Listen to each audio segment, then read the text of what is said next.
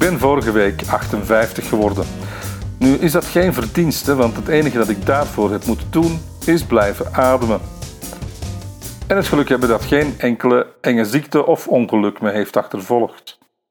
Ik vierde mijn verjaardag in het Radisson Blue Hotel in New Delhi, want ik heb het Afrikaanse continent inmiddels verwisseld voor het semi-continent India.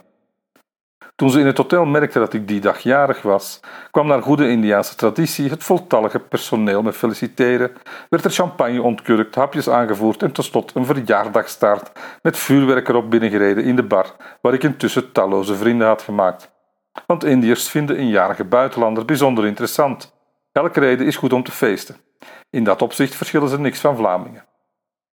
Alles was bovendien on the house, stelde de directeur van het hotel me gerust want ik was Belg en de grote baas van de hotelketen was blijkbaar ook een Belg, dus dat moest gevierd worden. En of ik misschien nog een single malt whisky wilde om de avond af te sluiten. Om maar te zeggen, ik was onverwachts met mijn gat in de ghee, de geklaarde Indiase boter, gevallen. Intussen heb ik Delhi al lang achter mij gelaten en bereikt dit bericht u vanuit het stadje Leh in de Indiase staat Ladakh, hoog in de Himalaya, in de buurt van de grens met Tibet. Ik begeleid hier een groepje Vlaamse motorrijders en samen zijn we inmiddels de hoge Himalaya overgestoken op onze Royal Enfield motoren. Een tocht over bergpassen van soms meer dan 5000 meter, die je om verschillende redenen naar adem doen happen. Vooral omdat de natuur hier overweldigend mooi is, maar uiteraard ook vanwege de ijle lucht op deze hoogte, die maakt dat het ademen zwaarder wordt. Dat hoort u misschien aan mijn stem. Het is al de vierde keer dat ik deze tocht onderneem, maar het is de eerste keer dat de moessonregens de Himalaya zijn overgestoken en ons parten hebben gespeeld op de route. Toen we dan na twee dagen moe, nat geregend en koud eindelijk Lee binnenreden, de zon door de wolken brak en we snakten naar een warme douche en koud bier, kwamen we in een gigantische file terecht.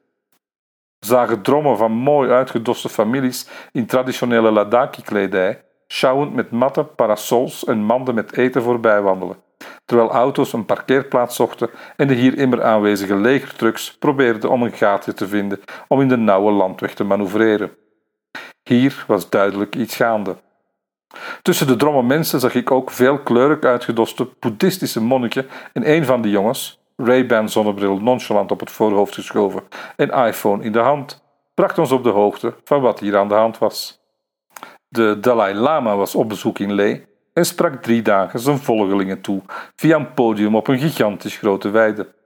Daarnaast waren er ook nog een hoop lokale lama's die hetzelfde deden als voorprogramma, zeg maar. We waren dus in de chaos terechtgekomen van de lokale religieuze versie van een rockfestival. Met de Dalai Lama in de rol van Mick Jagger, al was hier de inkomst gratis en werden er geen t-shirts met het hoofd van de lama verkocht. Toen we na drie uur aanschuiven uiteindelijk in het hotel aankwamen, bleek die warme douche en het koude bier waarop we hadden gehoopt niet meer dan een droom te zijn geweest. Door het slechte weer gaven de zonnepanelen geen warm water en gedurende het bezoek van de Dalai Lama werd in de stad geen alcohol verkocht.